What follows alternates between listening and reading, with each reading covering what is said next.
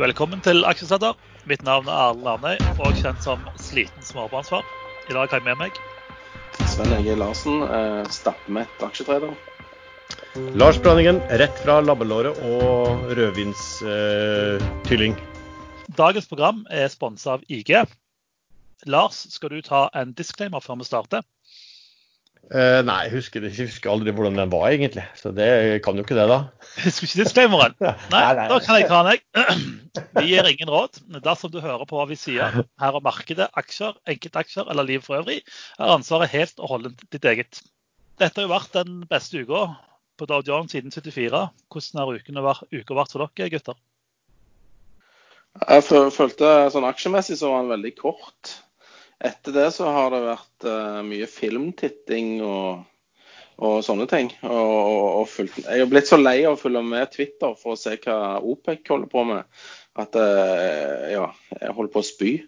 Jeg synes det Nå sitter de igjen nå, nå, Akkurat når vi kjørte i gang uh, denne her episoden, her, så satte de seg ned for et nytt møte for å bli enige om om, om Mexico. Så, men det kan vi jo snakke om litt senere. Det har vært Ja. en kort uke, men en veldig lang uke, hvis, du, hvis dere skjønner. For min del har det vært en i og for seg ganske bra uke sånn sett. eh, Men det som som Sven sier, vi var jo ferdige, hadde jo halv dag på onsdag, da var vi ferdige. Og så har det vært, etterpå det har det vært å følge med eh, på hva som skjer på OPEC pluss og G20. Så da er det en hashtag. Jeg antar at du, det er en hashtag som du også følger på Twitter, som heter OOTT. Eh, som er veldig bra for å holde seg oppdatert på hva som skjer, eh, siste nyheter innenfor eh, olje. Og, og, og da har det vært massiv dekning nå under alle mulige rykter og alt hva som skjer og ikke skjer på, på det, dette OPEC-møtet. Så det er sånn som som Sven sier, at selv om børsen var stengt og sånn, så har det vært ja, nok å følge med på. Nok dramatikk å følge med på, for å si det sånn. Hva betyr det der OOT, forresten? Jeg har aldri skjønt det. Det var det faktisk en som skrev etter eller. Det var en sånn uh, Organizations of Oil Trading et eller annet. ja. Organization offshore, oil offshore Tin Tang. Nei, The Organization of Oil Trading Tweeters. Ok, Er det sånn fag, fagforbund? det, ja, det, det står. Jeg googla det. OK. Ja. Ja, Da vet du hva det betyr. OOTT. Men det er, i hvert fall, det i hvert fall anbefalt å følge med på mm, for de som vil liksom følge med på hva som skjer innenfor, eh, innenfor eh, oljemarkedet og oljepris og, ja, og politikken der. Men nå- når vi er inne på oljepris altså Etterspørselen etter olje har jo falt dramatisk. Du snakket jo om eh, det siste episode Lars, hvor du mente at eh, det var nær nesten 30 millioner fat. Nå ser vi jo flere analytikere har på en måte putta ganske lignende tall for april. Jeg så Rystad var ute med 27 millioner ned. Eh, og OPEC prøver jo å kutte. Men hva er det altså, hva er det problemet til OPEC? Hvorfor får de ikke til? Hva er det de krangler om? Dere som følger med. Det er Mexico, da. Mexico eh, har satt seg på bakbeina.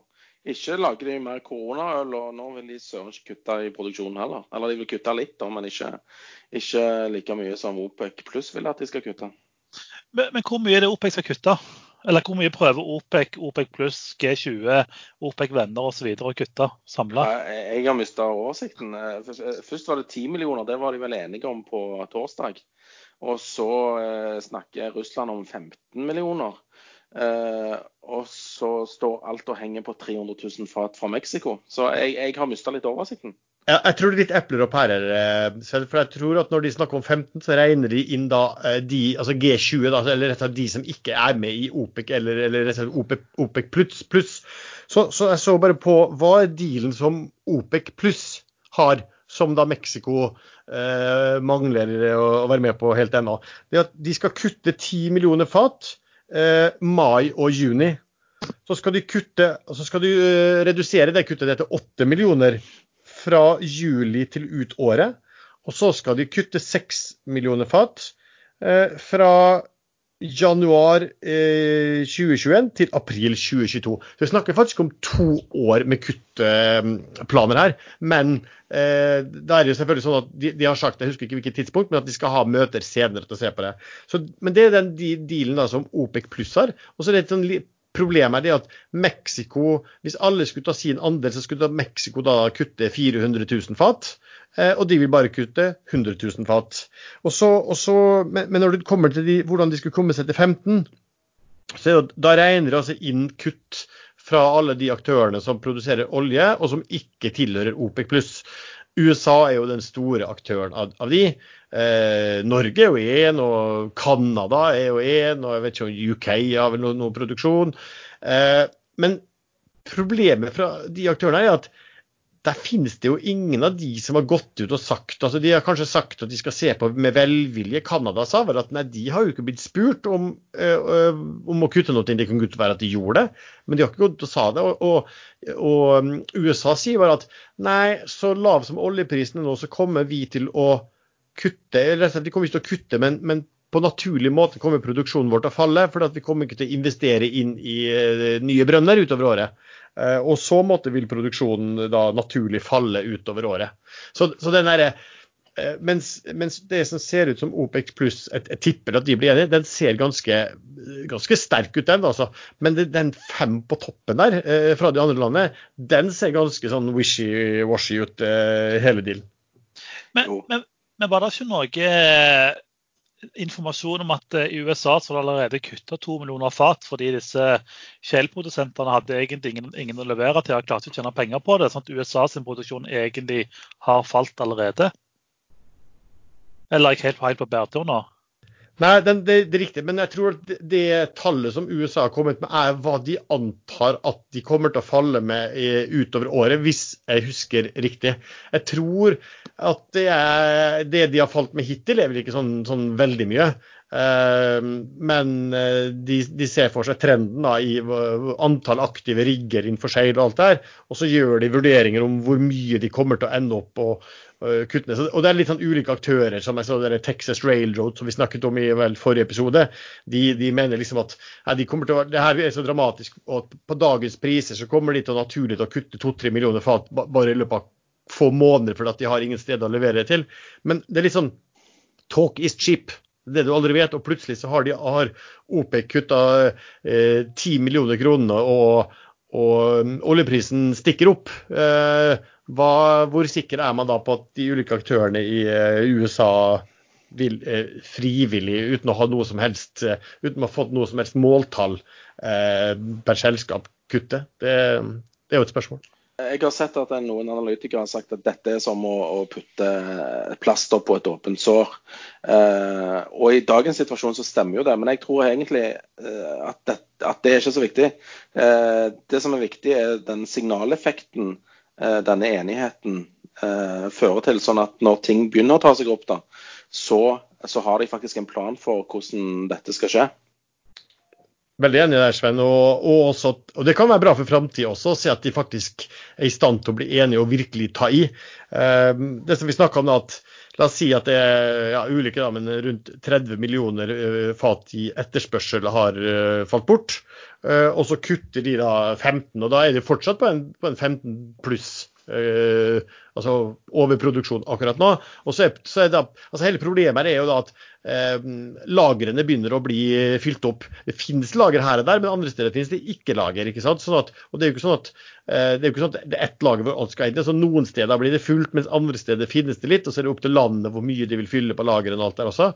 men, men får de til den dealen her, så, så ser jo det Eh, for meg ganske imponerende ut sånn, sånn, signalmessig. Det er ikke mange dagene siden folk nesten lo av de tallene der. Eh, og, og, så ser man kanskje samme aktørene nå sier at det er altfor lite. Eh, det kan det være liksom, kort, kortsiktig, men, men, man håper jo på at liksom, si, verdensøkonomien tar seg litt inn igjen her. At man begynner å åpne litt mer i, i verden, og at det blir bedre etterspørsel enn nå. Ja, jeg tror uansett at oljeprisen vil falle selv på, på 15 millioners deal her nå. Altså, det er kun fordi at uh, han har dratt seg sånn opp på forventninger om kutt. Ja, men da tenker du på spotprisen, men hva, hva tror ja, du om tenker, jeg tenker spot, ja. Jeg tenker kun, uh, kun den kortsiktige oljeprisen, ikke men, den tre, seks eller ni måneder fram i tid. Men hva tenker du om den, da? Jeg tenker ikke så mye på den. det, den, den, er ganske vanskelig å tenke på. Nei, du, du, tror ikke det blir en sånn eh, midlertidig boost fordi det kommer en avtale, og så faller det etterpå når uh, det ikke finnes kjøpere til olja? Det finnes jo fortsatt ikke kjøpere til olja, da. Nei, det er det jeg mener. Ja.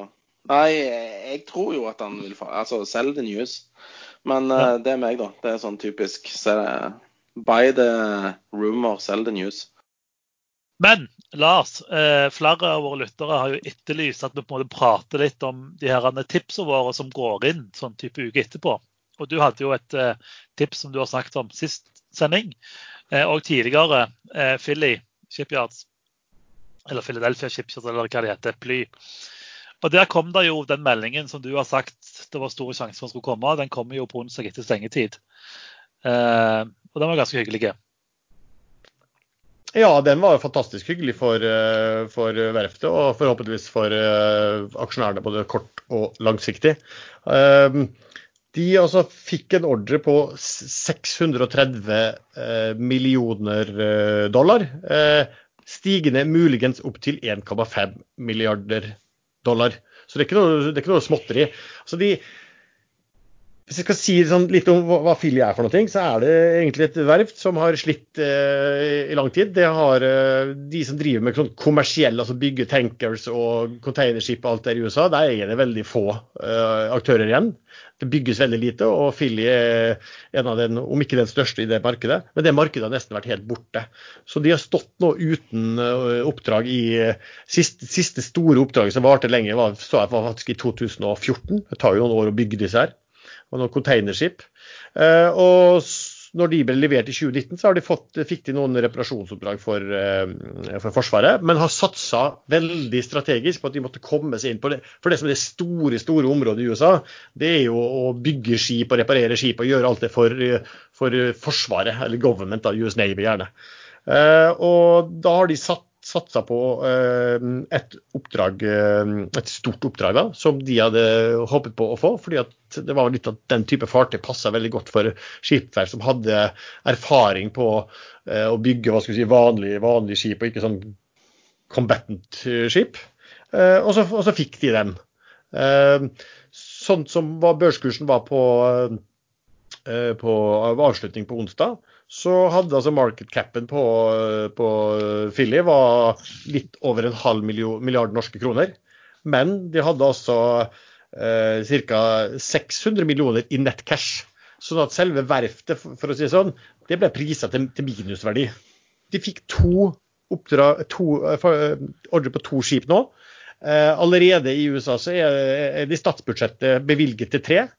Og det er foreslått i den kommende statsbudsjett av Trump-administrasjonen et fjerde skip også. Så, så, det er jo stor sannsynlighet for at det finnes. Årsaken til at man får to pluss tre, er at sikkert for at oppdragsgiveren vil se at de leverer som de skal. Eh, og gjør de det, så er det jo stor sjanse for at de vil få de neste også. Eh, det er litt fordi at det, det, er alltid dyrere å bygge de første, og det ser man litt av prisingen her også. At de får bedre betalt for de første de leverer enn eh, en de andre. Så, de skal bygge, bygge sånne treningsskip, er det det? Ja, det er det. Til marinen? Det er riktig. Det er der, der, de som skal jobbe i marinen, skal, ja, skal Sånn skoleskip, som de, som de, vel kaller dette her. da. Så det, det, det, er jo ikke bygget egentlig for å være Det, er mer sånn kommersielt design tydeligvis på disse her, da. Eh, som gjør, som, og Det er derfor gjør at de kunne vinne det, eh, istedenfor de som kanskje hadde, hadde mer erfaring med å bygge hva skal vi si, angrepsfartøy da, for, for marinen i USA. Så disse skal ikke brukes i kamp, dette er kun til trening? Ja. OK. Det er riktig. Så er de jo i og for seg, altså Det som er interessant, her, er jo at nå, nå har jo de da plutselig fått en storordre med det amerikanske forsvaret. Da er de jo inne der. Og de er allerede også invitert nå til å delta i en, en, en annen studie, som heter Champ-programmet. Og det er også litt sånn samme, samme, at der kreves det egentlig mer, mer erfaring fra at man kan bygge kommersielle eh, skipstyper enn en, en, en angrepsfartøy. Og det er faktisk noe som et program som kan bli opptil opp til 60 båter. Det er snakket om sånn sett. Det er jo ikke sånn at man alltid blir tidligere. Men her kan det, altså, det har i hvert fall kommet seg inn da, på det området hvor det er store oppdrag, og, og, og der det finnes liksom store, tunge aktører som har en veldig god um, inntjening også. Men, vet vi noe om hvor, altså, hvor, hvor, lang tidsperiode skal de bygge disse skipene på? og Bygger de de paralleller? og Bygger de på en måte først ett skip og så skip nummer to? eller Hvordan fungerer dette for oss som ikke kjenner selskapet eller, eller casen? Ja, De begynner allerede nå med designjobb og innkjøp og sånn. Og så begynner de vel eh, på, i 20, starten av 2021 så begynner de å bygge de to første, sånn som jeg forsto det, samtidig. Og da det, skal det ene leveres på våren 2021, og det andre på vinteren da, et halvt år senere. Så det er to som ser ut som de bygges da eh, ganske samtidig. Men Bygger de hele båten, eller bygger de bare skrog og sånne ting? Eller putter de alt, eh, alt som skal inn i båten? Alt, alt, alt, alt. ja. Så det er på nøkkelferdig egentlig når de leverer de fra seg? Ja. ja. Hvor, hvor mye stiger kursen på tirsdag? uh, si det. Altså, det, det, finnes, det, det, var jeg ikke klar over, men det finnes en eller annen sånn OTC borte i, borte i USA hvor det gikk eh, noen få aksjer, og de gikk vel da opp til 70-tallet. Men det var, det, ja, var veldig, veldig, veldig, få aksjer jeg så på som gikk på torsdag eller sånt. Uh, nei, altså det, det, er vanskelig å si det, det, er jo litt, sånn, Man kan jo gjøre litt morsomme regnestykker her og se på altså, så, så for eksempel, så på Huntington Ingalls, som er, som er liksom i eh, børsnotert. Mye mye større, selvfølgelig. Men jeg så liksom på hvordan de prises, hvilke marginer de har på sine oppdrag. De har nesten bare til Forsvaret. Uh, og hvordan de priser i forhold til, PE og, alt der. Men, spørsmålet blir jo liksom hvilke marginer tror man at Filly klarer å få på disse uh, oppdragene? Huntington ligger gjerne på 80% på sine. Eh, det er veldig vanskelig å si, da. Men jeg så liksom, som sagt, eh, Huntington var priset til prisbok på nesten 5. Uh, Filly på, til 0,5. Uh, det er klart at altså, det skal, det, skal, det, skal, det skal, mye opp. Uh, og så blir det liksom eh, opp til hver enkelt å tenke hva tror man inntjeningen på dette oppdraget vil være. Og så må man ha i minte at nå har de faktisk kommet seg inn på Forsvaret og fått et kjempeoppdrag der. Og der ligger det masse, masse, masse jobb eh, i årene framover, hvis de kan levere eh, dette på en bra måte. Men eh, Sven, siden jeg ikke eier aksjer i Philly, hva, hva, tror du han åpner på? Hvordan tror du han starter de første 15 minuttene på tirsdag morgen? Ja han kommer mest sannsynlig til å falle, fordi eh, dette har jo vært varsla i aksjesladder nå i over flere episoder. Så eh, det blir nok selv the news i, i Silly. Så jeg tror folk skal være heldige hvis de får 30 kroner. Neida. han kommer til å stige kraftig fra åpning. Eh, det er jo ingen tvil om det. Skal jeg tippe, så tipper jeg 69 kroner åpningskurs. Men jeg tror, jeg tror egentlig han vil gå videre. Vi har jo eh, fått et eh, spørsmål som går på dette, eh, hvis jeg klarer å finne spørsmål igjen. Eh, det gikk litt på når hvis man sitter i Philly eh, og må vurdere å ta gevinst, når er best å ta gevinst? Skal man ta det på åpning i løpet av dagen, eller eh, sitte videre i løpet av uka? Det er veldig vanskelig å svare på, fordi at det, det, kommer sikkert til å bli feil, det svaret som jeg eventuelt gir. Så nå skal jo de bygge i hvert fall eh, disse eh, skipene de har fått nå. og så Det kommer til å ta litt tid. da, så Hvis du har tro på dette, så tror jeg ikke du skal selge første dagen. Jeg er litt jeg skal ikke mene så mye siden jeg sitter på aksjene, en bra del aksjer allerede. Men det, det som kan være verdt å legge til der, er altså Cocktailen da, for, for den, den, oppgangen sånn her er jo ganske bra hvis mye av aksjene sitter fast. Eh, og her sitter altså, Aker eier 57% og så er det vel to uh, amerikanske fond, mener jeg, de, som også eier mer enn 5 altså, det, er tre, det er tre eiere som eier 83 av selskapet. Det blir veldig spennende å se liksom, også hva, hva, hva, de gjør. Det blir også spennende å se hva Aker gjør. Altså, spørsmålet er har Aker interesse av å eie et uh, skipsverft uh, i uh, USA, som har vært et problem. Altså, det har vært, det var, det var, for de som husker, så var jo dette et kjempeproblemverft fram til shale-revolusjonen slo inn. Da tjente de masse penger, og, og kursene gikk jo over 200. Så var det plutselig ingen bygging igjen av oljetenkers eller noe som helst, og kursen da falt ned til, til ja, på 30 og 40 kroner som det var nå. Ehm, så spørsmålet er hva, hva vil de gjøre? Altså, det, jeg er helt sikker på at det vil være mye større interesse og mye lettere å selge verftet nå når de har kommet seg inn på altså Når de bort fra det området som har vært helt eh, tørt, eh, som i Sahara, og kommet seg inn på det virkelig det, området hvor det er virkelig store volum, og, og, og, blitt godtatt da, for, av, av amerikanske forsvaret sånn sett. Og så har jo da må jo si altså at Folk fra Trump-administrasjonen har jo vært i, på Fille Shipyard og liksom har sagt at dette er Vi vil løfte fram Fille Shipyard i framtiden. Um, og det har du jo virkelig gjort noe med tildelingen. da. Men eh, hvis Saka skal ut, så vil jo ikke de selge aksjene over børs sannsynligvis. De vil vel finne en eh, større eier som vil overta, eh, og så blir det fiksa på bakrommet. Ja, Eller- da, altså, ja da, det, altså, det, det, men det er jo det som er kanskje ganske greit der, hvis det skulle skje. at Da er det tre eiere som eier 83% og en som eier 57 sånn at Det er ikke sånn, er ikke sånn kjempevanskelig å, å, hvis noen har interesse. Men om de vil gjøre det nå, alt avhenger selvfølgelig av, eh, av pris. ikke sant? Eh, også og hvor mye av de ja, Det blir bare spørsmål hva, hva de selv mener verdiene og, og, og hvordan de ja, det var, hvordan de tenker på det. Spennende case. Men du tar ikke tippe åpning, Lars? Eller du vil ikke tippe åpning? Nei, jeg føler vel litt at det blir litt sånn å sitte og dytte på de aksjene eh, man har det. Men, men det er jo alltid litt interessant da med uh, verft som skal bygge nye eh, skipstyper sånn sett.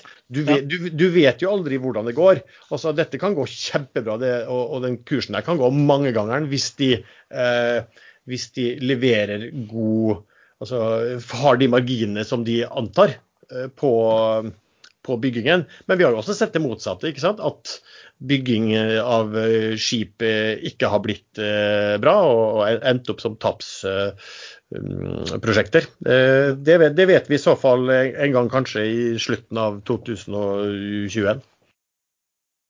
Det er jo dukket opp en, en liten si, turistattraksjon her på Vestlandet. Prøvde å regne meg fram til verdien. Jeg tror verdien er ca. 20 milliarder kroner. Det er jo alle flyene som eh, Norwegian har parkert på Sola. 11 Dreamliner og 16 737-er. Eh, som er verdt å få med seg. Lars, eh, Lars NAS har jo òg kalt inn til en liten generalforsamling, Sven. Hvor de skal stemme over en del ganske viktige ting. Og det er sikkert flere enn meg som egentlig lurer på hva, hva betyr alt dette de skal gjøre. Dette er jo en del av den, det de må oppnå for å få redningspakken av myndighetene. Men konsekvensene av å ikke komme til enighet er jo relativt dramatiske for NAS. Ja, det, det, det, det er ikke bare en generalforsamling, det er en ekstraordinær generalforsamling. Ja. Der de eh, har lyst til å konvertere Altså for det første hente tre- 400 millioner kroner i en eh, emisjon, og så konvertere all gjelden. Eh, eller nesten all gjelden. Eh, både obligasjonsgjeld, leasinggjeld og det var vel en annen type gjeld òg. Men det hadde de for så vidt ikke trengt for å få disse midlene fra myndighetene. Til, da hadde de ikke trengt å, å konvertere mer enn en, eh, enn obligasjonslånene, og ikke alt av det heller. Så de tar skikkelig i nå for liksom å prøve å renske opp på denne balansen som er helt forferdelig. Altså egenkapitalen er lost, mer eller mindre, og så er det jo ekstreme mengder med gjeld. Eh, Så de, de prøver nå å gjøre altså restrukturere selskapet totalt eh, ved, å, ved å kvitte seg med masse gjeld. Eh, og noen har regnet ut at eh, eksisterende aksjonærer vil sitte igjen med ca. 0,04% av det nye selskapet hvis all gjeld eh, som er planlagt konvertert, konverteres. Men, eh, selvfølgelig Eh, men altså eh, jeg, trodde, jeg, jeg har alltid trodd at på en måte obligasjonseierne er de som, eh, de som bestemmer litt i forhold til konverteringen. Men hvis jeg leser dokumentene, så er det ut som aksjonærene kan stemme nei til alt. Og dermed så kan de stoppe hele det forsøket ledelsen i NAS gjør på å redde selskapet. Ja, men da er det jo konkurs. Så du kan velge mellom å få bitte litt eller å få ingenting eh, som aksjonær. Ja, og det er ingen måter at på en måte ledelsen i NAS kan tvinge dette gjennom uten at aksjonærene godtar det. De kan ikke på en måte Nei, selvfølgelig. Det er jo, det er jo aksjonærene som eh, med to tredjedels flertall må godta dette her eh, på generalforsamlingen. Ledelsen kan ikke bestemme dette. her. Ok. Nei, Jeg visste ikke om de kunne gjøre noe med obligasjonseierne, eller om de var avhengige av eh, aksjonærene. Nei, men det, dette minner veldig om en sånn type rigg eller offshore eh, restrukturering. Type Supply, eh, Doff, Soff i runde én. Der, der gikk de for akkurat samme løsningen. Gjerne ikke så mye gjeld som skulle konverteres. Men eh, det, det, det fører til at uh, aksjonærene mer eller mindre nulles, og så får du konvertert litt gjeld, og så fortsetter du. Og så hvis du ikke har tatt nok gjeld i første runde, så må du gjennom runde to og kanskje en runde tre. Hvis markedene ikke uh, bedrer seg. Men uh, jeg tror jo personlig at denne, denne at dette konverteringsforslaget er for tøft for de som sitter med sikra gjeld. Eh, jeg tror ikke de er interessert i å konvertere til aksjer. Og, og jeg tror de må gjøre om sånn at det er kun eh, obligasjonseierne som, som kommer til å konvertere. Ja, Når du sier sikra gjeld, hvem tenker du på? De som har leasa flyene eller eh, leid ut penger til flyene? Eller Ja. det Ja. De med, de med sikkerhet i flyene. Jeg tror ikke det. Jeg ser ikke at de skal ha Altså, det er ingen som vil kjøpe fly nå uansett, men Og de vil sikkert ikke tiltre pantet, men jeg tror de vil ha en bedre deal enn det som er forelagt. Men, men, men hva vil på en måte være gangen i det? Først stemmer de nå på den ekstra genforcen, og så går de til de andre? Eh, Nei, eh, i parallelt med dette her så vil det bli innkalt til eh, obligasjonseiermøter, og det kommer til å prøve å få avtaler med de, sånn at den egentlig er spikra hvis aksjonærene sier ja. Og det samme gjelder en avtale med de andre eh, gjeldshaverne som ikke er i obligasjonene. Så hele pakken bør være klar til generalforsamlingen. Det er derfor den er satt uh, en måned fram. Eller var det 4. mai? Ja, 4. eller 5. mai, tror jeg. Ja. Så de har for så vidt eh, ganske kort tid på seg til å spikre sammen denne pakken. her. Og de har jo ikke fått noe forhåndsaksept fra långiverne. Så eh, ja, jeg tror vi på den pakken her. Jeg tror ikke helt på den pakken her. Nei, men hva, altså, hva alternativ skulle jeg si? Det er jo konkurs. Men eh, kan det være at de har på en måte smørt på så mye nå for å tvinge alle, altså det vil si obligasjonseierne, sikre gjeldseiere og aksjonærene til at nå, nå må det komme en solid løsning. Det nytter det ikke å, å på en måte være eh, gjerrige. Eller Jo, men det, det, det er et problem med aksjonærene. fordi at eh, det- de seriøse aksjonærene, bortsett fra Folketrygdfondet, de har jo solgt seg ut. Eh, Kjos og Kise er jo ute. De har solgt alle aksjene sine. Og de solgte de siste på onsdag. Eh, og, og meldingen kom rett etter børs på, på onsdag. de er helt tomme? Jeg trodde de hadde 1,5 millioner igjen. Ja, men det er to dagers lag på de listene. Nå har ikke jeg sjekka i dag, da, men jeg tror ikke det har kommet noen nye lister i dag. Men eh, på tirsdag så får vi sikkert se at de er, de er helt borte for listene. Og Da sitter du igjen med en aksjonærbase som i tillegg til Folketrygdfondet, som har ca. 5 eh, nesten like mye som Nordnett, eh, Saxo Bank, Nordea, Danske Bank og Avanza. Altså svenske småsparere, liksom. Jeg tror ikke de De kan sikkert finne på å stemme nei òg, de. Ja, jeg ser jo der er en del eh, Det er jo en del tråder på ulike forum hvor eh, folk nå oppfordrer til å stemme nei. Så jeg er jo spent på hva, hva som skjer. Hva tror vi Norwegian åpner på på tirsdag? Vi må jo tippe litt her, om ikke det? Ja, jeg er jo jeg er jo short-aksjen, jeg. Å ja, da kan ikke, da kan ikke du tippe, du. Lars, hva Nei, tipper du? men jeg, jeg ser fram til å kjøpe aksjen på tirsdag, og det er sikkert ikke så mange som gjør det. Nei. Den stengte på eh, 8.27. Jeg kan jo si at min short ble jo stengt fordi eh, jeg eh, snakket med megleren min, og de mente det var risiko å ha så mye short i Norwegian, så jeg har ingen short, dessverre. Men den stengte på 8.27 på onsdag. Hva tror du han åpner på tirsdag, Lars? Den, den bør jo selvfølgelig raseres totalt, men av og til er det så mange som bare ser at den aksjen der er billig. altså Den, den koster to kroner, så da kjøper vi den. Så det der er helt umulig å si. Og det er litt sånn som Sven sier også, hvis du begynner å se noe på aksjonærbasen der, så er det altså massevis av um, småsparere rundt omkring, sånn det, sånn det kan se ut, som eier dette her, og som, som driver, et, driver kurser i, i flokk, på en måte. Men vi kan vel være enige om at uh, sjansen for at Norwegian åpner på åtte kroner på tirsdag er vel relativt liten. Det, det jeg ser faktisk på Twitter, jeg følger jo veldig mye svensker på Twitter, og mange av de som har gått inn i Norwegian, virker som de gjør det på et rent kasinobett, egentlig. Den har falt mye, så da må han opp, eh, teorien. Vi har fått noen mer spørsmål, og det er jo rundt sparebanker og forsikringsselskaper. Hva tror vi om de framover i, eh, i, i dagens marked? Har dere noen tanker, eller gjort dere noen tanker? Jeg har vel egentlig ikke det, da. Jeg tror de vil følge det generelle markedet. Tror ikke, jeg ser ingen grunn til at de skal gjøre det bedre eller dårligere, egentlig. Eh, kanskje på litt lengre sikt så vil du få Effekten av økonomien vil føre til at bankene kanskje får litt større tap. Boligpriser vil kanskje falle, eh, og da vil jo bankene være veldig utsatt. Mm. Banker i Europa har for så vidt gjort det veldig dårlig til nå. Eh, så jeg tror nok de norske har litt å gå på hvis de skal nedover. Ja. Nå har vel de norske vært ganske solide. Altså Sparebanken er jo litt interessant. Altså de, de har jo en veldig stor andel eh, boliglån. Eh, som bruker å være sikrere også. Det var jo også sånn under bankkrisen som var for eh, ja, hva var det, 19, rundt 90-tallet. 89-90. Ja, ikke sant. Så var det jo De tapte jo da vesentlig mye mer da på bedriftslån der også, den gangen også, i forhold til, til um, boliglån. Så sånn sett så, så ser ikke det så ille. Og så er det en del ting, men det, som er interessant med sparebankene, er jo at uh, du har en, en, et sånt sparebankfond som må dekke tap først, der først.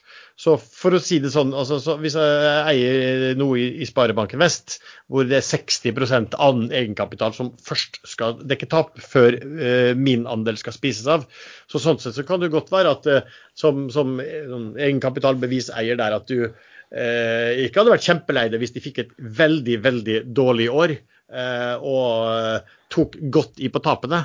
Eh, ikke sant? Sånn at du ville få ei, ei, ei, Da ville du eie mer av banken eh, framover, når det forhåpentligvis så litt eh, bedre ut. Ja, det er verre med, verre med DNB, da, i, i så måte. Det, der har de ikke noe sånn bufferkapital som de tar av først. Nei, også, ikke sant. Også må du, men så er det også sånn at du må se på, på, på Det er jo olje. altså Det folk er redd for her, er jo også hva som skjer med mm, leverandørindustrien til, eh, til olje. Og så vil man da sitte og se på disse ulike bankene. Hvor eksponert eh, er man for det? Eh, forsikring. Forsikring. Altså, var, var ikke det andre spørsmålet du fikk? eh? Jo, det er, er et spørsmål om forsikring. og Du har jo en, eh, du prater jo litt om protektor, eh, long og gjensidige short sist uke. Så du kan jo ta, og Det der også kom spørsmål om i forhold til protektor. Mm. Eh, hva du syns der, så Det passer jo godt å ta den. Men skal vi ta et ord fra eh, episodens sponsor først? Dagens sponsor er jo IG.com. For de som ikke kjenner til IG, så det er en megler som er notert i London. De har ca. 30 milliarder svenske kroner i markedsverdi. De har 2000 ansatte, kontorer over hele verden. De har vært etablert i Norden siden 2009. Og hvis man skal handle på IG, Lars, hva produkter og ting kan man handle der? Ja, de er jo en veldig stor tradingmegler som tilbyr veldig mye ulike produkter. Men, men for å knytte det litt til episoden her, så kan du shorte aksjer, selvfølgelig. Og mm, hvis det, jeg, jeg har jo gitt noen tips eh, både i denne episoden og tidligere om eh, der man kan gå long short. Det vil si at man kan da, eh, og Der kan man også både kjøpe den aksjen via IG, og så kan man shorte den andre aksjen via IG. På samme måte så kan du handle med all verdens type valuta. Og du kan handle med oljepris. Altså du kan gå og trade på utviklingen i eh, amerikanske lettolje, og du kan eh, trade på utviklingen i brentoljen, f.eks.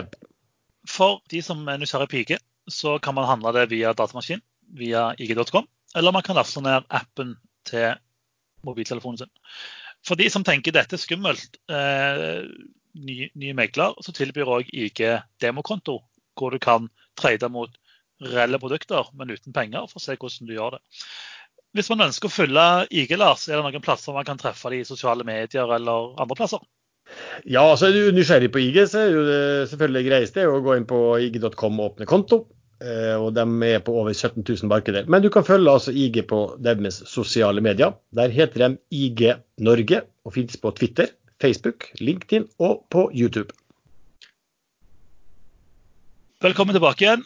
Eh, Lars, Protektor og Gjensidige. Der hadde du en, eh, en deal sist gang. Eller Ja. en eh, tips sist gang. Ja, det stemmer. Jeg så vel litt sånn på Protektor på standalone, og så sa jeg at uh, alternativt kunne man være kjøre spillet mellom Protektor, at, at Protektor skulle utvikle seg bedre enn Gjensidige. Årsaken til det var at Protektor hadde falt eh, voldsomt et- etter koronakrisen, mens Gjensidige hadde falt veldig lite. Og Det, si, det, det, det tipset slo, slo egentlig veldig bra. Så Isolert sett så hadde Protektor gikk dem opp eh, 30 ser jeg, siden vi hadde den episoden. Uh, og gjensidige, altså forskjellen da, mellom gjensidige, Protektor gjorde 24% bedre enn gjensidige i den, uh, i den perioden. Så Sånn sett så har det altså den hva skal si, long short, da, det, der, der du eh, egentlig spille på hvem av to aktører som vil gjøre best eh, i en periode, utvikla du da eh, veldig bra. Men satt du short gjensidig imot, da? Eller bare lekte du med tanken? Jeg, jeg lekte bare med tanken, jeg kjøpte bare Protektor. Ja, OK. Så, men det ble, det, det ble jo enda bedre, det, da. Ikke sant? Ja, ja, selvfølgelig. Men eh, ja. Litt sikrere hvis du hadde shorta og du hadde fortsatt tjent masse penger på, Ja, altså, du, på traden. Korrekt. Fordi at det er 30% på, på, på bare eie protektor, mens 24 hadde du gjort på selve den hedgen. Og det, er, ja? Og det, er, jo, det er jo kanonbra på, på, en, eh, eh, på en sånn periode. Ja, riktig. Men så vet jeg at det var noen som har spurt da også om som Protector og, og forsikringsselskap om får ikke de store tap liksom på uh, obligasjonsporteføljen sine, aksjeporteføljen sine. Uh, og jo, svaret på det er, er jo ja. Altså, jeg tror vel Protector har sånn 10 av, av investeringsporteføljen sin i aksjer, og det taper de selvfølgelig mye på nå, selv om det har kommet tilbake igjen. Men det man kan kanskje tenke på eh, på skadeforsikring, det er en liten motpol her. Det er jo altså sånn um, Protektor har jo da mye hva skal du, mye kommunale eh, kunder. Og så mye av dette er jo hva skal du si, hva heter det, motorvogn. Forsikring av motorvogn. Altså Mye av det som foregår nå når, når, når ting er i stillstand og folk sitter hjemme, eh, så tror jeg man kan anta at det vil være mye mindre skader også. Ha-ha, der, må jeg arrestere deg litt. For de okay. fleste skadene skjer jo hjemme, har jeg hørt. Ja, men det er for de som har boligforsikring. Men nå tenkte jeg altså mer på, på Nei, men de, de fleste skadene skjer i hjemmet. Altså Jeg kjø- du ramler, brik- brekker i hånden eller Kjører du testen rundt i hagen, du, eller? Jeg skal bare si at eh, de fleste skadene skjer da i hjemmet, altså ikke på veien. Ja, ja, men, da, men det går jo da på bolig, ikke sant? Men men jeg, jeg, jeg tror bilforsikringen er ganske safe uh, hvis bilen står i garasjen. Ja. Og, og så, hvis du ikke lader mens det lyner og torner og sånn. Ja. Nei, så, men da Der har du i hvert fall en liten sånn motpol da, på en del av de skadeforsikringsselskapene. At lavere aktivitet vil kanskje gi eh, lavere, eh, lavere skader også. Eh. Og, og reiseforsikringen, det må jo være i gullgruva nå for disse forsikringsselskapene.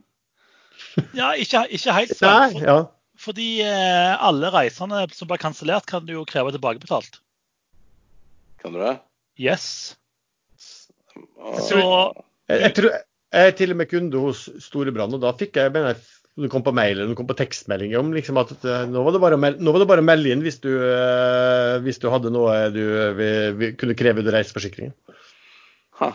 Så der er, jeg tror det er ganske store utbetalinger. fordi eh, altså En ting er jo flygningene stopper jo, men eh, du får jo ikke automatisk kansellert hotellet ditt eh, i andre enden. Så, men det kan du ta på reiseforsikringa.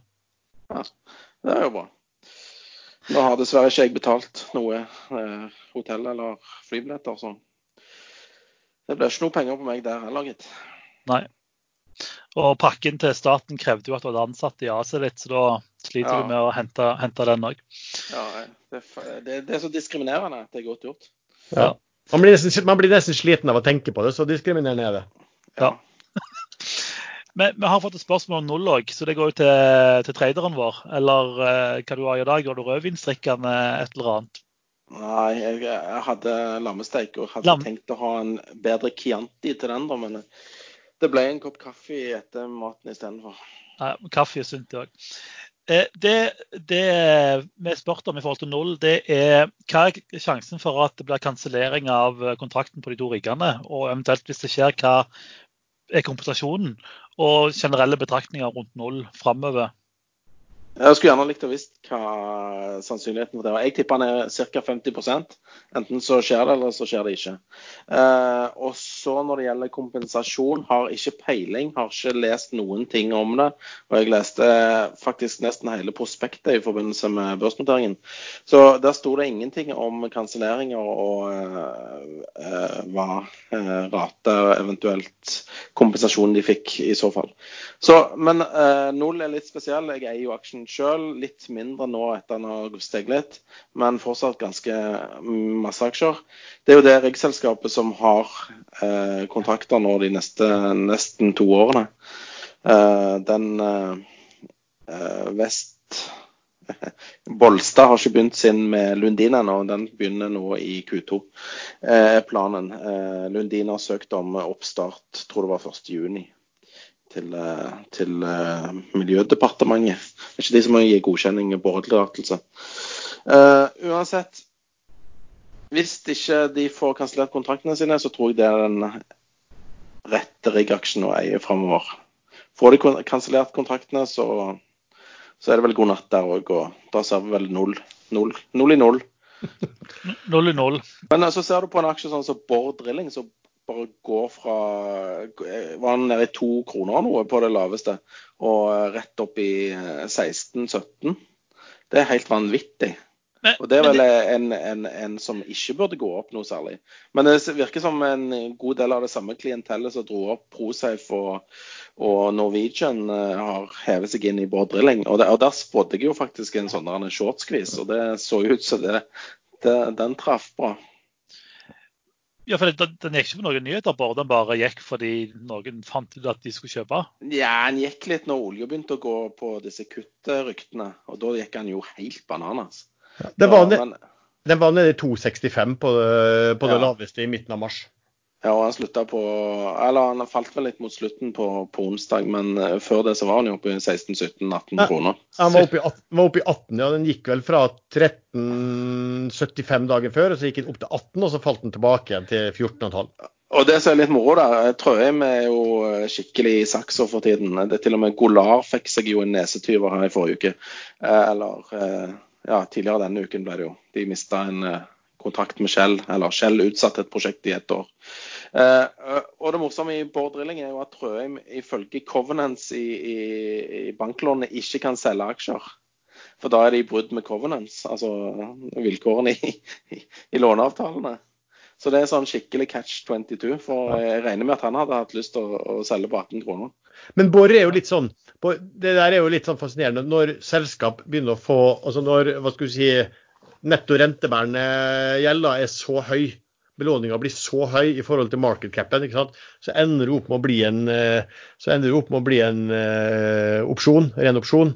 Og sånne opsjoner kan jo gå uh, veggimellom. Så Bård Drilling er jo på en måte en, en opsjon, og beveger det seg sånn som den de siste dagene også.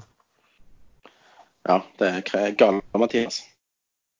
Flere har jo etterlyst eh, tips som mangla sist uke, som har vært litt, eh, litt kjipe med. Skal vi slenge noen eh, tips og tanker om, om, om hva som kan være lurt å eie videre? Da ble Sven helt rolig. Jeg, ja, jeg vil, jeg vil, ikke komme med noe Det er så volatilt nå at mitt tips er at det kommer til å fortsette å være veldig volatilt. Nå har jo markedet henta seg ganske kraftig inn i forhold til fra bunn. Eh, og hva det er basert på. Kanskje det er basert på at du, folk har vært redde for å eh, miste en eventuell oppgang, ikke vet jeg. Eller de ikke har skjønt helt omfanget av hva som kommer til å skje når ting kommer til å være stengt og sosial distansering kommer til å pågå resten av 2020 og sånne ting. Så eh, jeg tror det, mitt beste tips er at eh, følg med godt og eh, altså følg nøye med. Og fordi volatiliteten kommer til å være høy lenge. Noen eh, aksjer du ser på, Lars, og tenker på at det kan være fornuftig eh, framover? Ja, nå, nå, har jeg jo akkurat snakket om ett selskap som sånn som forrige gang. Jeg har jo nevnt det før, men eh, jeg bare nevner, nevner igjen at uh, Kverner som prøver å vri seg mer og mer mot uh, å levere til fornybar industri, uh, de er priset under nettcash. Eh, altså det vil si at selve virksomheten i Kverner til, tillegges minusverdi. Men jeg godt, det jeg kan tenke meg å si, var kanskje et par type à la sånn protektor, long protektor short i en side. Der kan jeg prøve en annen. Eh, long Schibsted short Adevinta. Altså, eh, Adevinta, eh, Schibsted eier vel 60% av Adevinta. Eh, under koronakrisen, altså etter det her smelt, så er Skipsted ned 30% Adevinta bare ned 10% Så der kan det vel se ut som om det kan være en, ja, at, at uh, Skipsted har utviklet seg for dårlig i forhold til en annen, til, til Adevinta. En annen som normalt sett ville være, men jeg er litt usikker på nå, det er um, Aker versus Aker. BP.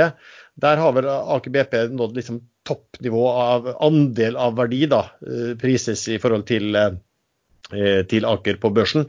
Tidligere har det vært ganske gode eh, muligheter til å gå long Aker short BP, men akkurat nå så er jeg litt usikker på eh, eh, hva som skjer med alle disse oljeindustriselskapene i Aker-konsernet. Så jeg, jeg kanskje ville vært litt forsiktig med den. Så, så den kjøp Schibsted short av det vinter er kanskje den ja, som i forhold til en sånn strategi, finn, finn, ut hvem som gjør det best av to, vil jo være mitt tips. Bra. Ingen andre tips? Nei, det er litt sånn som Sven sier også, at det er så usikkert nå. Det kommer så mye nye eh, informasjon eh, hele tiden at eh, plutselig er det et selskap som vi ikke har tenkt på noen ting akkurat nå. Eh, som vi om uh, to timer syns er en fantastisk godt kjøp. Uh, og, og, det vi syns var godt kjøp, kan det plutselig ha blitt, blitt noe vi vil bli kvitt. Det der er vanskelig, altså. Ja, Men siden, siden Erlend, Erlend Jalla konge ikke, ikke er til stede, så kan vi jo si short softdogs, da. Da blir han glad. ja, altså, Shortdogs har ikke sendt oss svareprøver ennå, så jeg er helt enig. Ja, vi shorter de. Eh, også, husk, husk, tydelig på disclaimeren vår. Eh, ikke, ikke, gjør som vi sier. Ikke hør på oss. Eget ansvar osv. Du bør shorte softdogs alt du remmer. Det er litt vanskelig å låne aksjer, da jeg prøvde, men det er ikke. Det, det ryktes at det er mulig. Du må bare jobbe litt faktisk for å låne. Okay. Jeg har, jeg har ikke shorta. Jeg, har, eh, jeg, jeg, hørte jo på rådet fra den sendingen for eh, er det tre uker siden, når du roper her kom det melding i Softdox. Ja. Så kjøp, kjøpte jeg jo til 40, 41 eh, kroner eller noe sånt. Og så solgte jeg på mandagen til 44 og var strålende fornøyd med ca. 10% avkastning. Men det er jeg jo ikke nå lenger. så Nei, jeg, er... bare, bare for det lytterne, altså. Jeg mente ikke å shorte softdog, jeg skal bare mobbe Erlend Gjalla. Ja. Bitte litt. Ja, og, vi, og vi tilhører de som selvfølgelig sparker folk når de ikke er til stede. Det er helt korrekt. Ja, eller hvis det ligger nede. eller hvis det ligger nede.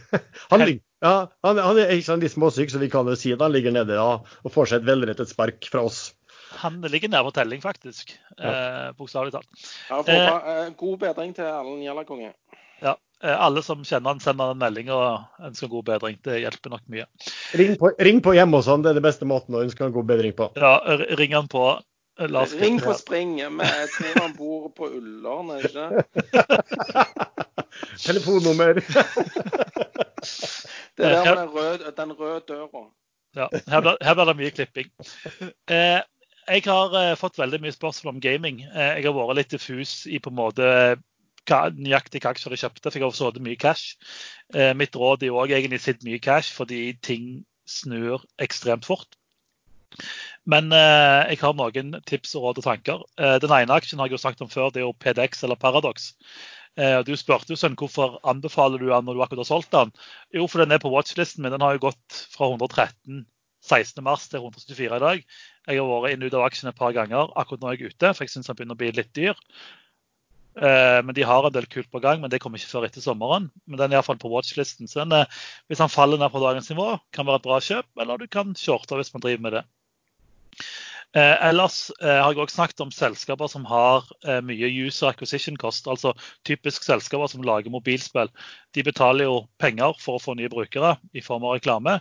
Eh, og reklame nå er ganske billig fordi det er ingen som reklamerer. Eh, den heteste kandidaten der er jo Stillfront, som er et stort svensk selskap med masse masse studioer. De lager masse mobilspill. Eh, Stoppa på 4,92 svenske kroner per aksje på torsdag. Eh, Pareto har en analyse fra 7.4 hvor de har targetpris på 558. Eh, så den, den, kan være et bra bet. Jeg har iallfall kjøpt meg der eh, fordi jeg tror de gjør det bra i perioden. De, har billige user acquisition cost, men de har òg signalisert at det er relativt bra trykk på mobilspillene deres. Apropos det med reklame, mens jeg husker det. Jeg leste en tweet, tweet eller noe som limte inn de limte inn eh, annonsekostnadene på Facebook. Denne, de hadde halvert seg nå eh, pga. Eh, koronakrisen. Ja, det, det, som faktisk òg er en god faktor å se på, det er liksom hvis du følger en del youtubere. Eh, for de får jo betalt per 1000 eh, view. Og normalt er jo januar og februar en dårlig måned, men der ser du på en måte all over the place at folk får ekstremt dårlig betalt fordi reklamen er, er, er veldig billig. Så du kan jo trekke det videre til typisk kasino eh, og gambling og sånne ting, som òg har en mm. relativt høy user acquisition cost. At den er lav nå. Eh, som gjør at du kan pumpe ut mye reklame for, for hver krone du får inn. Men eh, Stillfront er iallfall av tipset mitt. Embracer Group, som vi har snakket om før. Svensk selskap. Eh, der har jeg vært ute ganske lenge. Jeg er irritert med at den ikke faller, faller noe mer. 6.4 hadde de en oppdatering til markedet, en prestasjon hvor de snakket litt om hvordan korona traff de. Det var egentlig tre ting som var verdt å ta med seg i den presentasjonen. Det var De selger sykt mye spill digitalt, de selger litt mindre spill fysisk, og de jobber med eh, eh, oppkjøp for de kjøper mye selskaper. Eh, på natt til torsdag kjørte de en emisjon, eller under natt til onsdag. De hentet inn 1,6 milliarder sekk til 89 kroner. Kursen stoppa på 91,90 på torsdag. Og de skal handle noen. Spørsmålet er om de melder dette nå, eller om de melder det på, på kvartalspresentasjonen om, eh, om, et par uker. Eh, men jeg kjøpte på den meldingen for den altså, Jeg kjøpte permisjonen, fordi historisk så går den veldig godt når de kjøper selskaper. De gjør veldig mye gode kjøp. typisk selskaper som ikke er børsnotert, og kursen pleier alltid å gå i etterkant. Så Stillfront og Embracer er på en måte de selskapene jeg har. Og så har jeg Paradox på, på watchlista, for den har gått bra i det siste. Så Sven, er det noe oppdatering fra OPEC? Det er fortsatt kun samme headline som går igjen, at de har uh, reacha en deal. Uh, ingen detaljer so far. Ja. Da kan vi jo kjøre et spørsmål til mens vi har fått flere spørsmål. Eh, og det er lyst til å høre hva panelet mener om stigende kredittspredd i bonds, og om Fed prøver å opp, hva Fed prøver å oppnå med å pumpe repomarkedet til nye høyder. Mer enn nå enn i 20, 2008. Bull eller bær? det, som, det, som, har skjedd, er jo at kredittspreddene faktisk har begynt å komme litt inn igjen etter å ha vært veldig vide eh, rett etter smellet.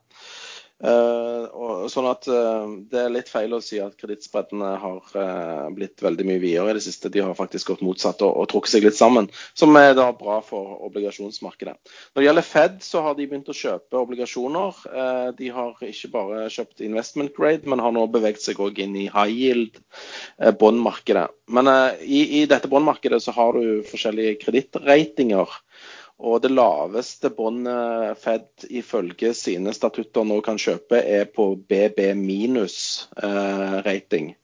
Eh, eh, og de kan kun kjøpe BB minus eller bedre hvis disse båndene har falt fra investment grade eh, nylig. Sånn at eh, det var en slags oppfatning om at uh, Fed skulle kjøpe hardt og bredt i alt av high yield, og det viser seg jo faktisk å være uh, litt feil. De kommer kun til å kjøpe de som har vært investment grade og nå har falt ned til high yield-definisjonen, og ha en kredittrating på BB minus eller bedre. Ja, for det, det, som da skjedde, var vel at uh det var vel sånn at High yield-indeksfondene gikk vel voldsomt opp etter at uh, Fed kom med uh, den meldingen der. Var det, Riktig. Mest som hadde skjedd, skjedd på, en, på, en, dag, liksom, i, oppgang der. Men, men, jeg vet ikke om de Det var vel kanskje litt ut fra misforståelsen der de trodde at de kunne kjøpe alt av, av high yield. Men, og så var det liksom devil in the detail, som du sa, Sven, at det var faktisk ikke alt de kunne kjøpe. Nei, og det er litt av det samme i Norge. I Norge så har de jo gjenåpna Statens obligasjonsfond for å kjøpe òg eh, øvre delen av high yield-markedet. Men altså, de kommer ikke til å kjøpe obligasjoner i f.eks. Norwegian eller Doff eller Soff eller eh, Noff eller ja, eh, den gjengen. De kommer jo til å kjøpe de som er de sikreste. Så, så de kommer ikke å kjøpe all dritten, for å si det sånn. Men det er jo veldig interessant av å se hva Fed har gjort altså når de har kjørt på her. og Markedene har jo kommet tilbake. Jeg så bare på OBX nå i stad, og den er faktisk tilbake igjen. Altså, den er over 20 opp fra det laveste den hadde, i hvert fall på en, på en, dag. Jeg tror ikke det på avslutningsdag, men internt på en dag i hvert fall er den gått over 20 opp. Og, og DAX har jo gått noe voldsomt opp. og, og ja, alt, har gått, alt, har gått, kraftig opp når eh, myndighetene kom tilbake med alle mulige pakker. Ja, og De kommer ikke til å slutte med disse pakkene. Det kommer bare nye pakker. Det kommer da sikkert sånne infrastrukturpakker òg. At de skal begynne med masse sånne infrastrukturprosjekter. Så de kommer bare til å utstede nye obligasjoner og nye eh, lån til det formålet. Ja, det jo, Men det er jo faktisk fornuftig det da, å, å bruke pengene på altså Når eh, renten er null minus omtrent, så er det jo fornuftig å bruke pengene på å bygge noe som er varig, og få bygge opp en, en, bedre eh, infrastruktur. sånn sett. Ja, det var vel det Tyskland òg gjorde rett før andre verdenskrig. Ja, så du, du mener det forberedelse på, på verdenskrig? Bygg, eh, bygg motorvei til Polen? Ja, altså Hvis du kommer fra en depresjon, så er jo det en veldig fin måte å få ting i gang igjen på. Ja. Men eh, det er jo statene som må ta regningen, altså innbyggerne til slutt, da. Ja. Men det er, jo en god, det er jo en god regel. da, Don't fight the Fed. Det har jo vært, vist seg å være en god regel. Helt før, og- riktig. Du skal og bare, bare- du skal bare ikke bry deg så mye. og ikke, altså, jeg tendens til å tenke liksom litt, litt for mye logisk på om gir det her egentlig mening. Det, det skal du vel egentlig ikke bry deg så lille hodet mitt med, kanskje. og Heller bare tenke på at når Fed gjør det, så, gjør det, så, så er det bare å hive deg med. Det er bare Eh, å lukke øynene og trykke på kjøp. Ja. Men, det jo, men det er jo klart det er jo litt sånn spesielt at nå at man, at man hele tiden bare kan trykke penger, nye penger, nye penger, og og Fed sitt balanse har økt uh, det er helt enormt. Og, eh, og man ser ikke inflasjon, og, og alle sier Og, og det, er jo, det er jo ikke en kjeft som bryr seg om, om som balanse, altså underskudd på, på statsbudsjettene i USA, og liksom, hvordan de nå antar at det skal komme opp i til 2025 og 2030 liksom kraftig økt igjen. Det er jo ingen som bryr seg om det, for at renta, eh, renta går jo ikke på, på det. ikke sant? Det, det Nei, men plutselig så, plutselig så gjør Ja. han det. Og plutselig så må dollaren devalueres fordi at eh, eh, han er overvurdert. ikke sant? Så da, da Jo, jo. skjer det plutselig masse ting. Ja, ja, altså der, der er jeg helt enig at på et eller annet tidspunkt selvfølgelig så er det et knekkpunkt. Og det var jo som han, eh, han eh, Charlie Munger, altså han høyrehånden til, til eh, eh, Warren Buffett sa da, at ja, altså det, dette går sikkert fint nå, det går sikkert fint da, men på et eller annet tidspunkt så kommer du til et knekkpunkt. Og, og han bare brukte det som eksempel. sånn, for hvis, du ikke, hvis, det, hvis det skal være så enkelt at, at man bare kan trykke nye penger, sånn, hvorfor, skal da, hvorfor skal da mennesker betale skatt? Ikke sant? Det var jo ikke, da, da var jo ikke noen grunn til at folk skulle betale skatt, for da kunne jo bare, staten kunne jo bare trykke de nye pengene. Så han brukte jo det. Det, det er jo et godt eksempel ikke sant, på at det skjønner jo alle at det ikke går så på et eller annet tidspunkt. Men det kan være in the long run, og det kan godt være at vi ikke eh, står på to ben da, for å si det sånn. Nei, men altså, hvis du ser på eh, amerikansk dollar som eh, en aksje eller et annet verdipapir Det er jo et verdipapir, det er jo en valuta. Men si nå at disse pengetrykkingene er å anse som eh, stadig nye emisjoner. Det blir da vanskelig å opprettholde den aksjekursen eller valutakursen på samme nivå hvis pengemengden, altså antall aksjer, øker så hinsides. For verdiene til selve landet vil jo da ikke endre seg. Du vil kun endre eh, antall aksjer i landet. Ja, ja, ja, altså det, det, det, alt det der gir, mening. Det trykkes jo andre steder òg, men det er jo ikke bare de som selvfølgelig Men, tramper på. men, men effekten er jo motsatt. altså Dollaren er jo, ja, nå har den jo falt litt, da, jeg så den var 10-2 10-2 i dag mot kroner. Men altså dollaren er jo steindyre. Den er jo så dyr at det er et problem for USA, på tross av at de trykker penger Ja. som uh, fulle sjømenn. Det er fordi at alle utenlandske selskaper og utenlandske governments har lån i dollar. Eh, Sånn at eh, akkurat nå kortsiktig så er det jo en scramble for å få tak i dollars til å betjene denne gjelden med. Fordi at eh, sin egen valuta svekkes mot dollaren. Så er, altså, alle vil ha dollar for å betale tilbake lånene sine i dollar. Så akkurat på kort sikt så, så tror jeg ikke dollaren halverer seg. Men med stadig nye pengetrykkinger og alt annet like, så vil dollarene etter hvert eh, falle. For, for det virker jo ikke som børsen tenker langsiktig. Altså Hvis du tenker hva skjer i USA altså En ting er nedstigning i Norge, men her dekker jo staten på en måte inn penger til både bedrifter og, og ansatte som er permitterte. Men altså i USA så er det liksom her er det 1200 dollar, lykke til. Nei, det er det jo ikke. Men Norge gjør det på også en annen måte. Vi tar fra et allerede eksisterende fond med penger eh, i, mens USA trykker opp nye penger. Mm. Og mange andre land trykker opp nye penger. Nei, jeg tror, eh, jeg tror som sagt der er jeg, ja, jeg, tror, jeg, jeg, jeg tror ikke børsen tenker langt nok. Altså når du ser, eh, Nå var det jo 6 millioner nye arbeidsledige denne uka. Vi er oppe i 16,6 millioner arbeidsledige i USA. Det er mer enn i 2008. Eh, da, da må jo, det må jo si stopp. Altså, jaff, ja. Det, er- det, det en logisk brist. Ja, men det tar tid, sånn som Lars sier. Han, er- han er seks fot under han før, eh, før vi får se eh, the great eh, dollar unwinding. Ja, Du tror det tar så lang tid? Du tror ikke det skjer liksom i løpet av et par måneder? Du tror liksom det går eh, Ja, nå er Lars en gammel mann. Jeg, håper, jeg, jeg, jeg, håper han ikke sier at han tror det skjer i løpet av et par måneder. Da høres ut Men du har, han allerede. Lars har vel iallfall ti gode år igjen, tenker jeg, om ikke 15, kanskje 20. Men, men, Men altså, hvis du ser liksom, nå så vi jo, nå hadde jo NRK en, eh, NRK plukket opp en artikkel fra et par amerikanske medier hvor vi ser eh, køer av mennesker i San Antonio. 10 000 mennesker eller biler står i kø for å hente mat fordi de har ikke råd til mat.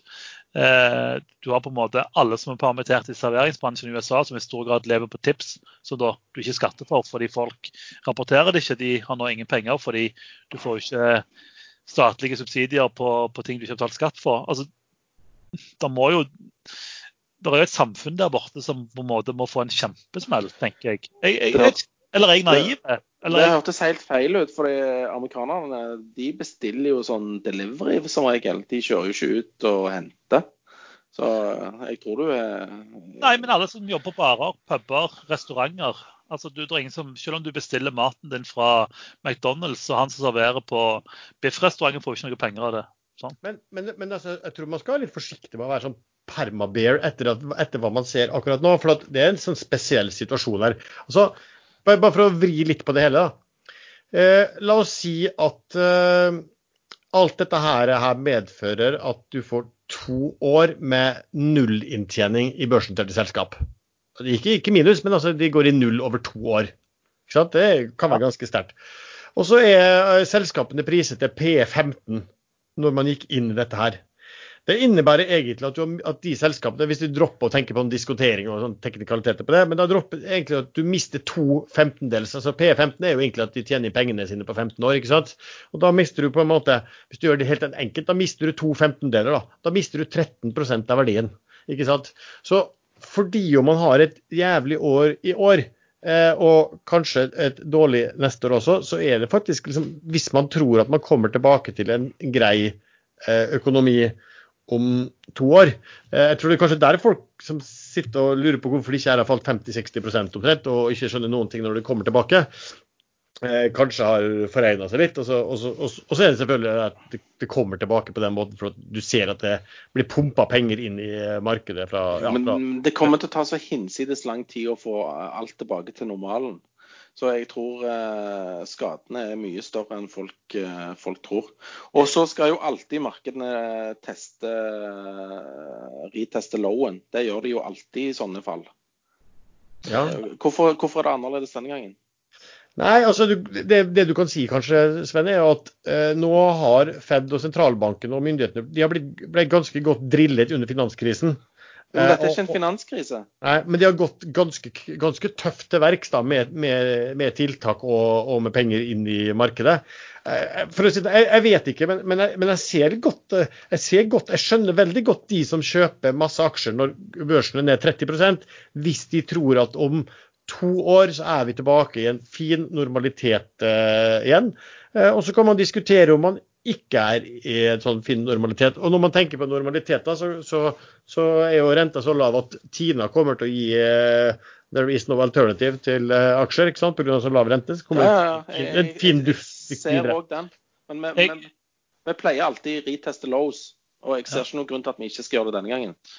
Altså, du, du, du, skrur av, uh, du skrur av lyset. Eh, og når du skal skru det på igjen, så må du starte med en dimmer, og så må du skru det gradvis opp. Og det kommer til å ta lang tid før lyset er på plass igjen. Tror jeg. Ja, men det kommer litt an på det spørsmålet bare hvor mye av det er allerede bakt inn i kursene. Det, det, det, det der jeg tror altså, jeg, jeg, skjønner på en måte teorien om ikke være for Parmaver. Jeg har jo kjørt veldig bedre og vært veldig mye cash og unngått det store fallet som mange har. Men pga. at jeg er såpass spær, så har jeg jo òg solgt eh, Softox altfor tidlig. Ja, jeg fikk 10 veldig fornøyd, men jeg kunne hatt 100 eh, Jeg solgte Philly altfor tidlig, fordi eh, jeg hørte på Lars han sa kjøp Philly, så kjøpte jeg Philly og solgte det 8 senere. Han sa vel ikke selv Philly, gjorde han det? Nei, men det er jo permabæren i meg som slår til. sant? 8% gevinst var fint det på et par dager. Nå kunne jeg sikkert hatt 100% på tirsdag. Så, så jeg er litt enig på Lars i forhold til der han ikke var for Parmabær. Men jeg vil sagt ikke var for Parmabær kortsiktig, for akkurat nå så pumper det så mye penger inn. Men jeg tror vi vil se altså når du, når du ser på en måte, kall det den menneskelige lidelsen i USA med alle som, altså Det er 16 millioner arbeidsledige i USA, som er mer enn det var i 2008 og 2009. Da toppa han på 15,3. Og vi er så vidt i gang ennå. Altså, folk står i matkø, liksom, for de har ikke penger. Eh, det ble jo postet denne artikkelen fra Wall Street Journal som sier at 30% av de som leier bolig i USA. De har ikke betalt leien siste uke. Altså vil si uka før påske. Så, så kortsiktig, ja, så jeg er enig at nå lever vi på den vanvittige pengetrykkrusen. De må jo ha ruset seg hele, hele, hele administrasjonen borte på disse nye pengene sine. Men, men det må jo være altså, Det er ganske mange millioner mennesker som ikke har en jobb, som ikke har en inntekt. Nei, så jeg, jeg, jeg er enig med begge to eh, i forhold til Lars. Ikke for Parmaberg kortsiktig, men jeg tror eh, å starte opp samfunnet igjen kommer til å ta lang tid. Ja. Det, merker, det merker jo bare i min jobb. Sant? Altså, det er ingen som møtes lenger. Eh, hvordan driver du med nysalg? Du kan ikke dra ut og møte kunder for kunder sitter hjemme. Sant? Der, jeg tror der, ja, Se på bilforhandlerne i Norge. Sant? Alle har jo permittert. For det er ingen som kjøper biler lenger. Ja da, men nå, ja da, men nå er vi på det verste, liksom. Altså, spørs, spørsmålet er om vi begynner å se bedre tider, mindre nedstengninger. Vi gjør kanskje framskritt på behandling av dette her, på vaksinebiten også. Så, det, så det, er veldig, det, er veldig, vanskelig. Jeg tror ikke vi kommer til å teste low um, som vi har vært på, men det har Ideen min er å være i såpass eh, likvide papirer, for å si det sånn, for det er så usikkert at hvis jeg ser det begynner å rutsje igjen, så, så vil jeg komme, prøve å komme meg ut på en eh, grei måte. Ja, jeg tror fortsatt vi ser litt opp, og så får vi noen måneder med, med, med, med dritt. Og så bånder vi i sommer en annen gang. Selv om vi er en Stay Away? Jeg tror ikke det Ja, det kan godt være det stemmer med timingen i, i år òg. Det, det, blir i hvert fall veldig interessant å se når kvartalstallene, mm, kvartalstallene kommer. Altså, et, et, selskap vi ikke har snakka om, da kan jeg bare ta det da også. For det var litt sånn godt eksempel. Det var jo eh, Kongsberg Automotive. Ja. Uh, som kom med, med melding. Det var egentlig litt, det var litt sånn skrekkelig, fordi at de skrev at uh, i siste uken i mars så hadde de vel sett at inntektene falt med 50 eh, om det var i forhold til året før eller hva de hadde budsjettert, og at uken deretter ble enda verre.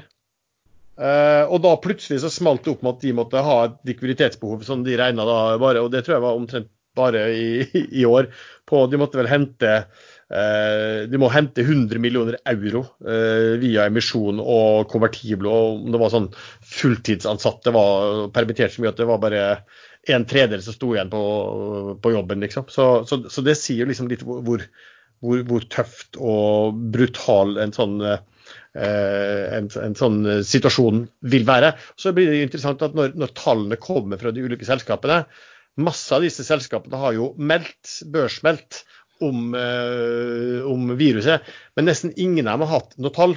Kongsberg hadde tall for at de, de, skal hente penger, og da måtte de nesten komme med tall. Men ellers har det vært liksom at nei, vi har liksom sånn og sånn, og vi ser litt sånn og sånn, og det er usikkert. Men ellers har det vært mer snakk om hvordan de håndterer dette her i forhold til egne ansatte og, ja, leverandører og kunder og litt sånt der. Så det blir veldig spennende å se når tallenes tale eh, ligger på bordet i forhold til eh, ja, ser kanskje ikke all verden på Q1, men du kommer til å se all verden på Q2-tallene. Men de må, jo, de må, jo, gi en slags guiding eh, på etter Q1 òg, da. Hva de ser ja. for seg i Q2. Og det, ja. de, de, de, guidingene kan bli litt uh, Interessante. Ja. Men hva, hva tror vi om oljeprisen på i kveld, faktisk? Om, uh, om fire timer og 15 minutter? Hvor starter vi? Jeg si det, altså det, det markedet er jo så vanvittig eh, Går vel fort på hva man måtte si etterpå. Sånn. Den gikk jo opp ganske mye, da. Eh, jeg kan ikke jeg, jeg, jeg, tipper rimelig flatt, bare. Det, men det er bare, altså Jeg kunne kasta bare kron og mynt på det der. altså Det er helt, helt, helt umulig å si. Hva tror du, Sven? Brenten stengte på 31,8. Jeg tror han faller rett under 30. Men jeg tror ikke på sånn uh, halvering eller noe, men jeg tror han vil falle. Selv the news. Ja, jeg, eh, jeg, tipper opp de første 15 minuttene, og så støtter jeg deg i fall under 15. Nei, ikke under 15, men under 30 i hvert fall. Ja, det blir, men, det blir, men, det som blir, veldig spennende å se, er jo, er jo også mm, futuren. Altså for olje for levering litt eh, fram i tid. Eh, for det er jo mange oljeselskap som vil prises eh, etter det også. Eh, og og ikke minst så er det jo veldig veldig mange som er interessert i tank for tiden. ikke sant?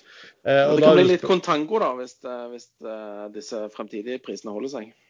Ja, ikke sant? det er jo kontango allerede i dag som, Ja, ja, som ja. gir dem eh, veldig god inntjening for disse. og Det er jo det er jo spørsmål om, om det øker. Sånn, isolert sett så ville man jo si at det å kutte produksjonen så kraftig Det er jo ikke mer enn liksom, en ukes tid siden jeg leste flere analytikere sa at ja, det var jo, dette, var jo, dette var jo skrekken for tankmarkedet. Men spørsmålet er da eh, i hvilken grad eh, eller hvordan forskjellen på, på spotprisen nå og for levering fra, for et visst antall måneder fram i tid, hvor stor den vil bli, eh, og hvilken grad det vil, da vil behov for, eh, for eh, disse oljetankerne.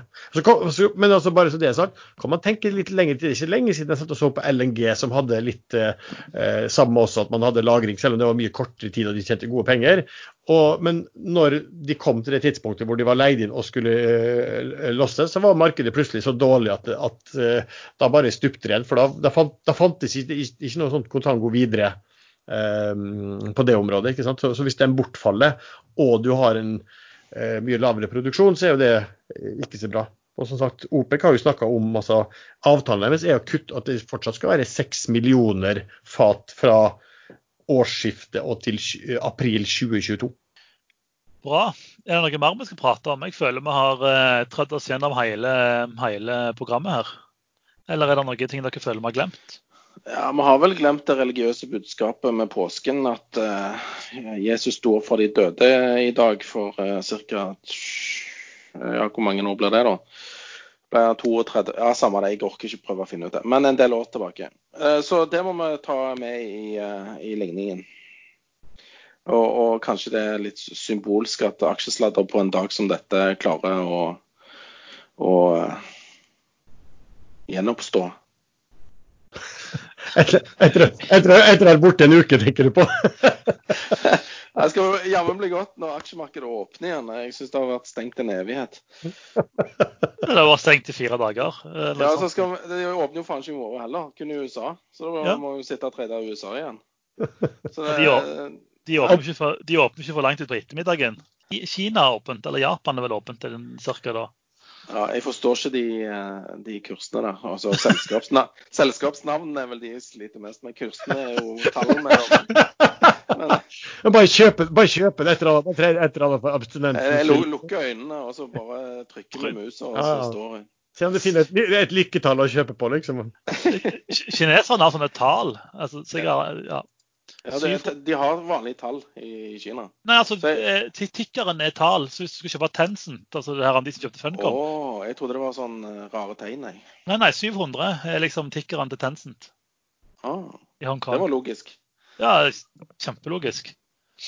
Japan òg har sånn Tencent 10 burde jo kanskje vært 0,10 eller noe. Ja. Mens i Japan så er det sånn eh, Capcom de er 96-97, liksom. Det er deres stikker. Det er... Skal vi runde av, eller har dere noe mer, eh, har dere noen mer religiøse åpenbaringer, Sven, som du vil komme med?